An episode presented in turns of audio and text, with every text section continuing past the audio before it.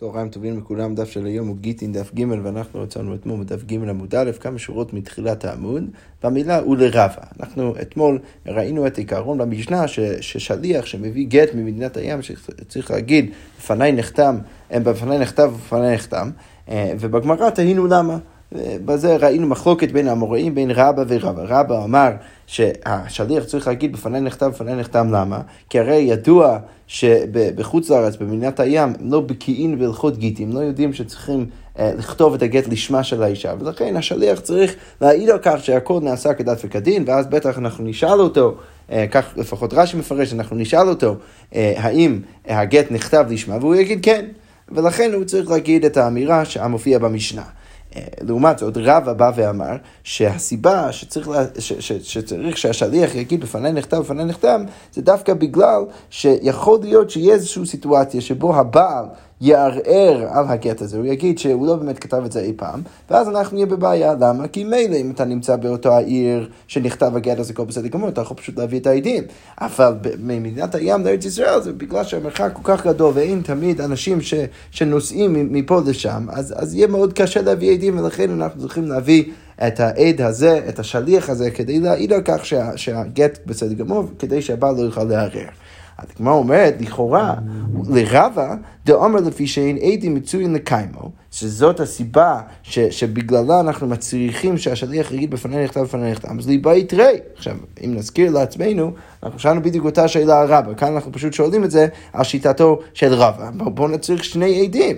למה? מי דאבה קיום שטר בעמר? אנחנו יודעים שבדרך כלל כדי לקיים שטר, מה הכוונה לקיים שטר? אם בן אדם מערער על איזשהו שטר, שטר מסוים, אז, אז צריך לעשות מה, מה שנקרא קיום שטר, צריך להביא שני עדים, או העדים עצמם שיעידו על כך שזה בעצם הכתב יד שלהם, הם חתמו על השטר הזה, או להביא אנשים אחרים, שני עדים שיכולים להעיד שהם מזהים את, ה, את, את החתימה של העדים. אבל, אז הגמרא אומרת, אנחנו יודעים שבדרך כלל אנחנו צריכים שני עדים לדבר הזה, אז איך יכול להיות שאנחנו סומכים על השליח הזה, שהוא רק עד אחד שיגיד בפני נכתב בפני נכתב? כמו אומרת, עד אחד נאמן בייסורים. אה, יש לנו כלל, עד אחד נאמן בייסורים, ולכן אנחנו מאמינים לעד הזה, להעיד על כך שהכל בסדר גמור, כדי להתיר את האישה הזאת לשוק, שהיא תהיה מותרת עכשיו להתחתן עם מישהו אחר. כמו אומרת, רגע, כמו שאמרנו גם אתמול, אמר דאמרינן עד אחד נאמן בייסור, כגון חתיכה ספק של חלק, ספק של שומן, אולי אנחנו מאמינים לעד אחד בקשר מה? שיש חתיכה, ספק של חלב, ספק של, של, של שומן, דלא יתחזק איסורה, ששם אין, אין, אין, אין, אה, אין חזקה של איסור, למה? כי אני לא יודע בהכרח שיש בכלל איסור שם, יכול להיות שהחתיכה שעומדת מלפניי היא בכלל מותרת. אבל הכי חזק איסור, אבל כאן יש חזקת איסור. למה? דאשת איש, כי הרי האישה הזאת היא אשת איש, ולכן מה, מה אנחנו אמורים להגיד? הגמרא אומרת, תביא דבר שבערווה, ולכן זה יוצא דווקא לא עד אחד נאמן באיסור, אלא זה דבר שבערווה. אם אתה תתיר את האישה הזאת לשוק, אז יכול להיות שהיא בעצם עוברת על גילוי עריות, ואין דבר שבערווה פחות משניים, ולכן ברור שאתה צריך שני עדים, אתה לא יכול להסתפק עם עד אחד. הגמרא אומרת, לא, בדין הוא, באמת, זה בקיום שטרות נמי לא ליבאי לו. הגמרא אומרת, אתה חשבת שמדינה אנחנו באמת צריכים קיום שטרות? לא. באמת אנחנו לא צריכים קיום שטרות. למה? כי ריש לקיש, כי הרי ריש לקיש כבר אמר את המם רבה, דאמר ריש לקיש, עדים החתומים על השטר, נעשו כמי שנחקר עדותם בבית דין. ריש לקיש בא ואומר, מדאורייתא, אם יש עדים שחתומים על השטר, אז זה כאילו כבר עשו כל הדרישה והחקירה שצריך לעשות בבית הדין, והשטר כבר מקוים. אז למה בדרך כלל אנחנו מצליחים קיום שטרות, ורבנן דעת זה סתם חכמים שהצריכו מדי רבנן עוד איזה, איזה, איזה רובד של, של בירור כדי לעשות מה שנקרא קיום שטרות. אבל אם אני מבין שגם ככה הכל רק מדי רבנן, אז כאן אני יכול להבין למה אנחנו מקילים. והוכא, הגמרא אומרת, משום עיגונה, הכאילו ברבן. וכאן, וכאן, משום החשש של עיגון, אנחנו לא, רוצה, אנחנו לא רוצים, אנחנו לצלן שהאישה הזאת תישאר עגונה, אז בגלל זה, או בזכות זה, אנחנו מקילים ומאמינים לעד הזה, להגיד בפניי נכתב, בפניי נכתב. אבל הגמרא אומרת, רגע, כמו שהקשינו גם אתמול, היי כולה, מה אתה רוצה להגיד שהדבר הזה באמת כולה? הרי חומה, הרי זה יוצא חומה, למה? דאם מצרכת לי, תראה, כי אם היית מצריך שני עדים, אז לא עתי בעל מער ופסילי. אז הבעל ידע שבטח הם הביאו שני עדים, ולכן הוא ידע שלא יהיה לו שום סיכוי לערער לגט הזה. אבל עכשיו שהתרת ואמרת שזה בסדר גמור שרק השליח היחיד יגיד לפני נכתב, אז מה יקרה? אז כמו אומרת חד, עתי בעל מער ופסילי, הבעל יבוא, יערב והוא יפסול את הגט. אז הגמרא אומרת, לכאורה אתה יוצא יותר מחמיר ממה שאתה רוצה להרוויח. הגמרא אומרת, לא, זה לא נכון. למה? כי כיוון דאמר מה, הרי יש לנו ממרה, מחלוקת המוראים, סביב השאלה, כשהשליח מביא את הגט לאישה, בפני כמה אנשים הוא צריך להביא את הגט. אז הגמרא אומרת, שם יש מחלוקת המוכרים, כפי שאנחנו נראה עוד שנייה, גם ראינו את זה אתמול, האם זה צריך להיות בפני שניים או בפני שלושה. אז הגמרא אומרת, בגלל זה, אז ברור שהבעל ידע שהכל נעשה כדת וכדין, והוא לא יבוא לערער. אז בואו רק נקרא את זה בפנים. כמו אומר, כיוון דאמר מה בפני כמה, בפני כמה נותנו לה, רבי יוחנן ורבי חנינא אחד אמר בפני שניים, אחד אמר בפני שלושה, אז בגלל זה מה אנחנו יודעים? עיקר המידע דייק. אז השליח יעשה את התפקיד שלו, הוא, הוא, הוא יבדוק שהכל בסדר גמור לפני שהוא נותן את זה לאישה לפני או שני עדים או שלושה אנשים. ולכן ולא עתי לאורוי נפשי, ולכן הבעל יודע שהשליח דקדק, הוא בדק, ולכן הבעל לא יבוא ויערער, ולכן הכל יוצא בסדר גמור, ואנחנו יכולים לסמוך על הכולה של המשנה, להאמין לשליח הוא בעצמו שאמר אה, בפניי נכתב בפניי נכתב. אוקיי, יפה, אז עכשיו אנחנו הבאנו, אה, הבאנו את המחלוקת בין רבא ורבא, גם כן אה, הגמרא אתמול שאלה מה נפקא מינה ביניהם. יפה מאוד, אנחנו הקשינו גם על רבא וגם על רבא, למה זה מספיק שיהיה רק בן אדם אחד? לכאורה היינו אמורים להצריך שני עדים, וענינו אה, דיון מקביל גם לרבא וגם לרבא. עכשיו כמו שהוא ככה, ורבא, מה הייתה אמר לא אמר כרבא? למה רבא לא אומר כרבא? לכאורה לרבא יש אחלה סברה, שבמדינת הים לא בקיאים לשמה, אז למה רבא, למה שרבא לא יגיד כמותו? אז הגמרא אומרת, אמר לך, רבא יגיד, מי קטוני, בפניי נכתב לשמה, בפניי נחתם לשמה, רבי יגיד, רגע, מה כתוב במשנה? כתוב במשנה שהשליח צריך להגיד מה? בפניי נכתב, בפניי נכתב.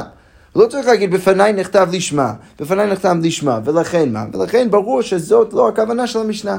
עכשיו אני רק, אני רק אעיר שגם בשיטת רבא יש את הקושייה הזאת, ואיך רש"י פותר את הבעיה. רש"י כתב ש, שבטח מה רבא התכוון, שהשליח צריך להגיד בפניי נכתב, בפניי נחתם, ואז אם הוא כבר אומר את זה, אז אנחנו נשאל אותו חזרה, ואז הוא יענה ויגיד שבאמת כתבו את זה לשמה. אז גם רש"י מודע לזה שיש את, את אותה הבעיה בתוך שיטתו של רבא, הוא רק פה, הוא מנסה לפתור את זה, אבל באמת יש פה קושייה, זה לא מה שכתוב במשנה. ולכן לכאורה זאת לא, לא החשש שאליו אנחנו צריכים אה, לחשוש, ולכן, אה, ולכן בגלל זה הגמרא אומרת שרבא לא אמר כרבא. אז הגמרא אומרת, רגע, ורבא, מה רבא יגיד חזרה לרבא? למה בכל זאת הוא כן חושש לזה שלא בקין נשמע? לכאורה לא משמע ככה מהניסוח של המשנה.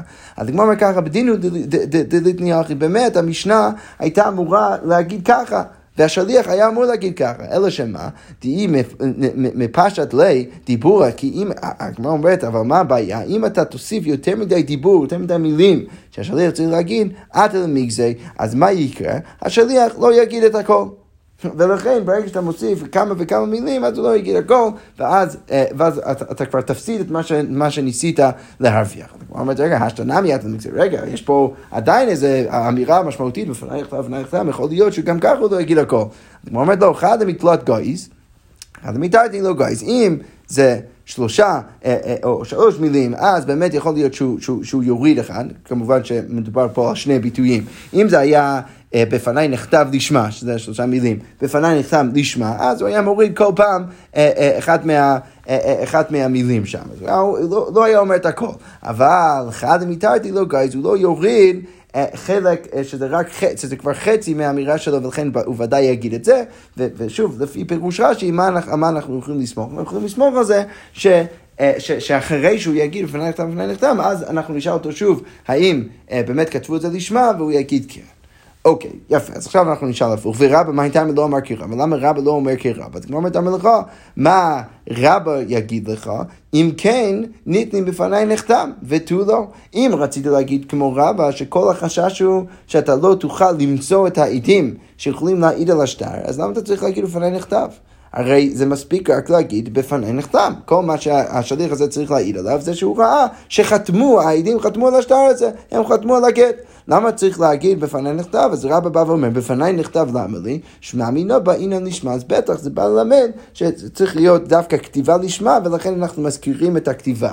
אני אעיר, אני אעיר עוד, עוד דבר, שבעצם אפשר להסתכל אולי על המחלוקת בין רבא ורבא, אה, אה, סביב השאלה מה אני מדגיש מהאמירה של השליח. הרי השליח, לפי המשנה, צריך להגיד בפניי נכתב ובפניי נחתם. אז אולי אפשר לתלוף ולהגיד שכל אחד פשוט מדגיש חלק אחר של המשפט. רבא מבין שמה העיקר? זה שהשליח צריך להגיד בפניי נכתב. בטח מדובר על זה שהוא צריך לוודא את זה שכתבו את השטר, את הגט, לשמה של האישה.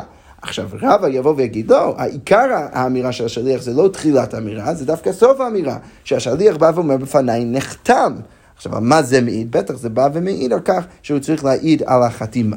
אבל איך שזה לא יהיה, רבא בא ואומר, ברגע שאני רואה שהשליח צריך להגיד בפני נכתב, אז בטח הכוונה זה לא זה שהוא צריך להעיד על כך ש, ש, שחתמו על השטר אה, בצורה הוגנת, אלא בטח הכוונה זה שצריך לוודא שזה נכתב לשמה. אה, מה רבא יגיד? הגמרא עומד ורבא, בדין הוא דלית ניחי, רבא אומר לחינמי. באמת, כל מה שהשליח באמת מדין היה אמור להגיד, זה רק בפני נכתב. אז למה כתוב בפניי נכתב? אלא דאם כן, עתי לי חלופה בקיום שטרותם. אם הוא היה אומר רק בפניי נחתם, מה הייתי חושב? ש, שבדרך כלל כשאני עושה קיום שטרות, אז מה הייתי חושב? בעד אחד הייתי חושב שזה בסדר גמור בעד אחד, בדיוק כמו שאצל הגט, שהשליח שמביא את הגט מידת הים, כמו ששם זה מספיק לקיים את השטר בעד אחד, אז כמו כן בכל שאר המקרים. עכשיו כמובן, בשאר המקרים של קיום שטרות, אני צריך שני עדים, כמו שאנחנו אמרנו למעלה. אז רבא בא ואומר, למה הוא צריך להגיד גם כן בפניי נכתב? כדי להעיד על כך שיש פה איזשהו מקרה שונה ולא דומה לקיום שטר בעם, ולכן אנשים לא יחשבו שהדין צריך להיות אותו דבר. הגמרא אומרת, אה, מה רבי יגיד חזרה? רבי יגיד, הגמרא אומרת, מי דומי? האם זה באמת דומה? הרי יש כל מיני אה, הבדלים בין המקרה של גיטין לבין המקרה של קיום שטר בעמה. הרי הותם ידעינון הכה בפני. שמה לגבי קיום שטרות, אנחנו, אנחנו יודעים מה הכוונה, רש"י כותב. הודם גבי קיום שטרות, יודעים אנו שזה, שזה כתב העדים הוא דקאמרי. מה אנחנו אומרים? אנחנו צריכים להביא מישהו אחר שבא ואומר, אני יודע שזה כתב העדים. כאן, מה אנחנו אומרים? הוא לא מעיד על זה שהוא יודע שזה, ש, ש, שזה החתימה של העדים, אלא מה הוא אומר? הוא אומר, בפניי. הוא אומר, אני ראיתי את זה. עכשיו, לא משנה מה יותר משמעותי מה פחות משמעותי, ודאי שיש פה הבדל, יש פה פער. הותם אישה לא מהמנה, שמה האישה לא נאמנת לקיים את השטר. אבל הכה אישה מהמנה, וכאן האישה נאמנת. רש"י כותב ש, ש, שהאישה יכולה להעיד על זה. אם הביאה גט לחברתה ואמרה בפניי נכתב, בפניי נכתב, מהמנה, רש"י אומר, כפי שאנחנו נראה בעזרת השם בפרק ב'. עכשיו, אז, זה, אז זה עוד חילוק שיש, שם האישה לא נאמנת וכאן האישה נאמנת. הותם בעל דבר לא מהימן, שם, בעל דבר של אותו השטר לא נאמן, הכה בעל דבר מהימן, אבל כאן האישה עצמה נאמנת. למרות שהיא בעלת השטר. ולכן יש כל מיני חילוקים, אז רב, הרב בא ואומר, למה, רב, אתה כזה חושש שאנשים אה, יחשבו שהדין צריך להיות הדבר, הרי יש כל מיני פערים בין, בין המקרים, אתה לא צריך באמת לחשוש את זה, ולכן מה? לכן לא ברור, שוב, למה צריך להגיד בפניי נכתב ובפניי נכתב. לכאורה היה מספיק רק להגיד לשיטת רבא, רק בפניי נכתב. למה צריך להגיד גם כן בפניי נכתב? הגמרא אומרת, ורב אמר לך, מה רב יגיד? עטו הכה כי אמרינן ידעינן מי לא מהמני? הרי כאן, רב בא ואומר, אם השליח היה אומר, אני יודע שזה הכתב יד של העדים, מה, הוא לא היה נאמן? וכיוון הגמרא אומרת דחייה אמרי ידינא מהמני, ודאי שכן, ולכן ברגע שאני יודע שהשליח נאמן, אם הוא אומר ידעינן, אז עתי לי חלופה בקימשטרות העלמא בעד אחד. אז רבא בעצם בא ואומר, לכאורה, שהיית יכול לקיים את השטר הזה בצורה רגילה. עכשיו, אם היית יכול לקיים את זה בצורה רגילה, אז כל אחד בעצם מסתכל על השטר הזה ולא באמת מבחין בין זה לבין מקרה אחר. כי זה היה יכול להיראות אחרת, זה היה יכול להיראות בדיוק כמו קיום שטר בעמה. ולכן כשאני רואה שמקיימים את השטר על ידי עד אחד, אז הייתי חושב שבאמת אפשר לעשות את זה בכללים, ולכן הוא צריך להגיד גם בפניי נכתב וגם בפניי נכתב. אוקיי, אה, אה, אוקיי, יפה. אז כל זה כדי לברר למה רבא לא אמר כרבא. עכשיו הגמרא בעצם שואלת שאלה יותר יסודית. אם אנחנו אה, אה, אה, נחזור לשיטת רבא, אז מה אנחנו בעצם אומרים? רבא בא ואומר שהשליח צריך להגיד בפניי נכתב ובפניי נחתם, למה? כי הוא צריך להעיד על כך ש, שגם כן כתבו את השטר לשמה של האישה, ולכאורה גם כן חתמו העדים על השטר לשמה של האישה. אז עכשיו, אם אתה מניח את זה בשיטת רבא, אז הגמרא עכשיו תנסה להבין מי התנא של המשנה ליבא דשיטת רבא. הרי כפי שאנחנו נראה עוד שנייה, לא כזה פשוט למצוא תנא שחושב שגם הכתיבה וגם החתימה צריכים להיות לשמה של האישה. אז הגמרא אומרת בדיוק את זה, ולרבא דאמר לפי שאין בקין לשמה. מן היי תנא, מי הוא התנא של המשנה? דבאי כתיבה לשמה ובאי חתיבה לשמה, שמצריך את שניהם. הגמרא אומרת, אם רבי מאיר חתימה בואי, כתיבה לא בואי, אם זה רבי מאיר, אז כפי שאנחנו נצטט עוד שנייה ממשנה שאנחנו נפגוש אותה בדף כ"א עמוד ב', אז מה אנחנו רואים שם? אנחנו רואים שהוא אמנם כן מצריך חתימה לשמה, והוא לא מצריך כתיבה לשמה. אז הגמרא מתתנן, מה כתוב שם במשנה? שם מדובר על, על, על זה שאי אפשר לכתוב גט על משהו שמחובר לקרקע ולתת את הגט הזה לאישה. למה? כי זה צריך להיות משהו שהוא רק כותב ו- ו- ו- וחותם עליו ו- ומוסר את זה לאישה, וזה לא צריך משהו, זה, זה לא יכול להיות משהו שצריך גם כן אה, לגזוז אותו מהקרקע. אם הוא מחובר לקרקע, אז אי אפשר לתת את זה לאישה. אז כתוב שם, אין כותבים מחובר לקרקע, אבל כתבו על מחובר לקרקע, תלשו, ואז הוא תלש את זה, ואז, חת, ואז חתמו העדים, ונתנו לו, ואז... נתנו לה, ואז הוא הביא את הגט לאישה, במקרה כזה, כשר. עכשיו, סתם מתניתין שיטת רבי מאיר, לכאורה משמע מזה שרבי מאיר, מה יגיד? הוא יגיד שהחתימה חייבת להיות נשמע של האישה אחרי שזה כבר לא מחובר לקרקע, אבל כשכתבו את הגט זה בסדר גמור, שכתבו את זה כבר, בעוד שזה היה מחובר לקרקע. לכן משמע מזה שמה, שרבי מאיר לא באמת מצריך שבשלב הכתיבה צריך להיות כבר מוכן להיות גט בשביל האישה הזאת. אז הגמרא אומרת, לכאורה רבא לא מסתדר עם רבי מאיר, ולכן המשנה שמצריכה שהשליח יגיד, בפניי נכתב, בפניי נחתם, וזה הכל בענייני זה שצריך להיות אה, גם כן כתוב וגם כן אה, חתום לשמה של האישה, לא יכולה להיות אליבא דרבי מאיר. אז הגמרא אומרת, או בסדר, אז זה לא יכול להיות רבי מאיר, אבל אם רבי אלעזר, אתה גם תהיה בבעיה, למה? כי כתיבה באי חתימה לא באי, הוא יגיד בדיוק הפוך, הוא מצריך כתיבה לשמה, אבל החתימה לא מצריך לשמה. אגב, מי, מי, איזה, איזה שיטה של רבי אלעזר אנחנו מכירים? אז רש"י כותב, רבי אלעזר אנחנו יודעים שהוא אומר שמדאורייתא גט שאין עדיו חתומים עליו כשר. אם יש גט, זה נשמע דבר דרסטי, אבל תכף נסביר אותו, אם יש גט שאין בכלל עדים שחתומים על השטר, מדאורייתא רבי אלעזר בא ואומר שזה בסדר גמור, זה גט קשה. למה זה גט קשה אגב? כי לפי רבי אלעזר, אז מה שנקרא, עדי המסירה הם הדברים, הם האנשים שבאמת יכולים להכשיר את הגט, ולכן כל עוד יש אנשים, עדים, שרואים את זה שהבעל מוסר לאישה את הגט הזאת, אז אפילו אם אין עדים שחתומים על השטר, עדיין זה יהיה בסדר גמור. אז הגמרא אומרת, לכאורה לרבי אלעזר, מה הוא מצריך? הוא מצריך כתיבה לשמה, אבל החתימה הוא לא מצריך לשמה. ולכן זה לא יכול להיות גם כן רבי אלעזר, כי שוב, זה שיטת רבא במשנה, לכאורה משהו צריך טענה שסובר שגם כתיבה וגם חתימה צריכים להיות לשמה. אז כמו אומרת, אה, וכי תימא לעולם רבי אלעזר. אולי אתה רוצה להגיד שהמשנה, לימדי רבא, צריך להיות שיטתו, שיטתו של רבי אלעזר.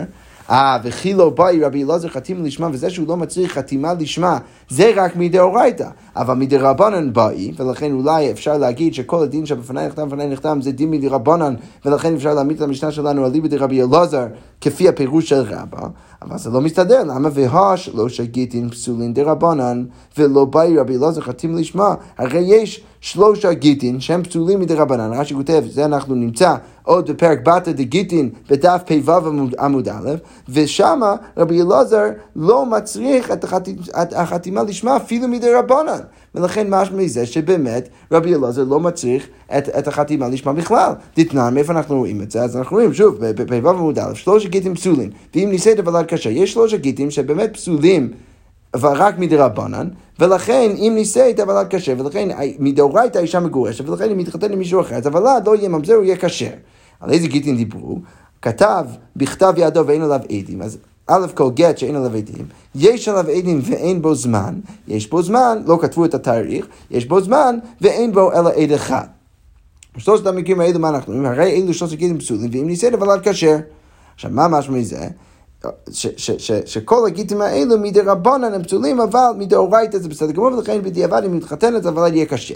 על כל זה מה רבי אלעזר אומר, ורבי אלעזר אומר, אף על פי שאין עליו עדים, אלא שנתנו לה בפני עדים כשר, וגובה מנכנס עם משועבדים. רבי אלעזר יגיד, אפילו אם לא כתוב, אה, אם אין עדים שחתומים על הגט, אלא שמה, הבעל נתן את הגט לאישה בפני עדים, זה כשר, וזה אפילו לא פסול מדי רבנן. וגובה מנכסים משועבדים, ולכן האישה יכולה לגבות את, את כסף כתובתה מנכסים משועבדים מהבעל. למה שאין העדים חותמים על הגט אלא מפני תיקון העולם, אבל לא באמת חייבים, אה, אה, הם לא באמת חייבים אה, לחתום על, ה, על הגט. עכשיו, מה משמע מזה שרבי אלעזר יגיד שאפילו מדי רבנן אתה לא צריך את החתימה, ולכן ודאי שהוא לא יכול להיות הטענה של המשנה על ליבת הפירוש רבה. אז הגמרא אומרת, בסדר, אז זה לא יכול להיות רבי מאיר, לא רבי אלעזר. אבל הגמרא חוזרת ואומרת, אולי בעצם זה רבי מאיר, ואלה רבי מאיר. וכי לא באי רבי מאיר כתיבה לשמה, וזה שאמרנו שרבי מאיר לא מצריך את הכתיבה לשמה, זה רק מדאורייתא. אבל מדרבנן, באי, אבל מדרבנן הוא גם כן מצריך כתיבה לשמה, ולכן אפשר להציע שרבי מאיר הוא התנא של המשנה, ליבי דפירוש רבה. הגמרא אומרת, רגע, גם זה לא מסתדר, ואמר רב נחמן, הרי רב נחמן אמר, אומר היה רבי מאיר, אפילו מצאו באשפה, אפילו מצאו גט באשפה, שהוא כתוב, בואו נגיד שיש בן אדם שכתב גט לאשתו בן אדם, ראובן הוא נשוי לשרה, הוא כתב גט ראובן ושרה. עכשיו, מה קורה אם יש עוד ראובן שנשוי לשרה באותה עיר? אז הוא מוצא את הגט הזה בהשפעה, הוא בא ורואה, היי, בדיוק רציתי לגרש את אשתי, הנה גט כתוב עם אותם השמות, בואו, אני רוצה עכשיו להשתמש בדבר הזה. אז רב נחמן אומר שרבי מאיר יגיד שאפילו מצאו בהשפעה, אפילו מצא את הגט הזה בהשפעה, וחתמו, וחתמו ונתנו לה כשר. ואז העדים הגיעו והם חתמו על זה, ואז הוא נתן את זה לאשתו, זה כשר. מה משמע מזה? ש, ש, ש, שאפילו מדרבנן רבי מאיר מוכן להתיר, אפילו כשלא היה כתיב, זו לא הייתה כתיבה לשמה. אז כבר אומרת, אה רגע, וכי תהמה אנא מדאורייתא כמה תנינן לא, אז אולי אתה צריך להגיד, לא, זה מה שרב נחמן אמר בשמו של רבי מאיר, זה רק מדאורייתא, אבל מדרבנן באמת זה יהיה אסור. אבל אי הכי אומר היה רבי מאיר דבר תורה מבעלי, הוא היה צריך לברר את זה ולהגיד שרבי מאיר היה אומר את זה רק מדין תורה, ומדרבנן באמת אי אפשר להשתמש. זה שהוא לא אומר את זה, משהו מזה, שאפילו מדרבנן זה מותר. עכשיו, משהו מכל זה שמה, שאפילו מדי רבן, רבי מאיר לא מצריך כתיבה לשמה, ולכן ברור שלא יכול להיות התנא במשנה, כי שוב אנחנו מנסים לחפש ולמצוא תנא שחושב שגם הכתיבה וגם החתימה צריכים להיות לשמה, אליבא דפירוש רבא במשנה. כמו אומרת, אלא מה צריך להגיד לו, רבי אלעזר, באמת אולי צריך להגיד שרבי אלעזר, לא בא רבי אלעזר חתימה, איך דלקה עדים כלל. מתי רבי אלעזר לא מצריך חתימה? זה רק במקרה שאין עדים בכלל. אבל היכא דאיכא עדים, אבל כשיש עדים שחותמים על השטר, אז הם צריכים לחתום על זה כדת וכדין. אז בואי. למה? מה הכוונה? דאמר רבי אבא, כשרבי אבא הרי אמר, מודה רבי אלעזר במזויף מתוכו, הרי רבי אלעזר מודה במזויף מתוכו, שמה? שהוא פסול. עכשיו, מה הכוונה? אם יש עדים שחתומים על השטר, אבל הם לא חתמו כשמה של האישה, אז באמת יש בעיה. יש. רבי אלעזר יגיד, אתה לא באמת צריך את העדים, אבל אם הם חותמים, צריכים לחתום כדת וכדין. אחרת, מה אני אומר על השטר הזה? אני אומר שהגט מזויף מתוכו ולכן הוא יהיה פסול. ולכן, כשיש עדים שבאמת חתמו, אז אני צריך עדים. או אני צריך שהשליח יעיד על כך שבאמת חתו לשמה, ולכן אפשר להגיד שהמשנה שלנו ליבת רבי אלעזר, אה, אם אנחנו נלך עם פירוש רבה. הגמר, אחרי כל זה, בא ואומרת, רבעשי אמר, המאני, רגע, יש לנו אה, לכאורה אה, פירוש מאוד מאוד פשוט, או תשובה מאוד פשוטה, המאני, מי הטען של המשנה? רבי יהודה, אפשר להגיד שהמשנה של רבי יהודה, זה תנן כתוב במשנה בדף כ"א עמוד ב', רבי יהודה פוסל עד שתהיה כתיבתו וחתימתו בתלוש. כשמדובר שם בגט שהיה פעם מחובר לקרקע, אז רבי יהודה בא ואומר מפורש, שגם הכתיבה וגם החתימה צריכים להיות בתלוש, ולכן ודאי שהוא מצריך גם כתיבה וגם חתימה לשמה, ולכן ודאי שהוא יכול להיות התנא. אז הגמרא אומרת, רגע, הוא מעיקרא, מאי תימא לא מוקמינא לקרבי יהודה בהתחלה, למה אנחנו לא פשוט האמנו את כל, זה כרבי יהודה, למה אנחנו ניסינו להגיד שזה כמו או רבי מאיר או כמו רבי אלעזר, לכאורה מאוד מוזר. יש לנו אחלה תנא שזה ברור שהוא יכול להיות התנא של המשנה ליבדי רבא. אומרת לא, מהג'ינן רבי מאיר, תסתם מדין רבי מאיר. לא, קודם כל רצינו אולי להגיד שזה שיטת רבי מאיר, כי אנחנו יודעים שסתם מדין רבי מאיר, ולכן זה הכי נוח להגיד שהמשנה שלנו ליבת רבי מאיר. ומהג'ינן רבי אלעזר, למה דקאמי נלך אותה כבתי בגיטין, כי הרי אנחנו פוסקים כמו בלעזר בגיטין, ולכן גם זה היה נוח. עכשיו, יכול להיות שצריך לקרוא את הגמרא כאן קצת, קצת כדחייה של רבא, למה? כי באמת הגמרא בעצם אומרת שאם אתה רוצה לפרש את המשנה כמו רבא, אתה לא תצליח לא להעמיד את המשנה כמו, כמו, כמו רבי מאיר, כמו שאנחנו בדרך כלל עושים עם סתם משנה, וגם כן, אתה, אתה לא תצליח להעמיד את זה אליבא דהלכתא, אליבא דרבי אלעזר, אתה תצטרך להעמיד את זה אליבא דרבי יהודה, וזה יוצא קצת בעייתי. אז, אז, אז זה לא במפורש, אבל יכול להיות שיש פה איזושהי מנגינה של קושייה על רבא, בזה שאתה תצריך בסוף להעמיד את זה כרבי יהודה, אבל איך שזה לא יהיה, כן, הצלחנו להעמיד את זה כרבי יהודה, אה, אה, אה, ונמשיך מחר בעזרת השם עם המשך הסוגיות. שכוייח וגוד שבס.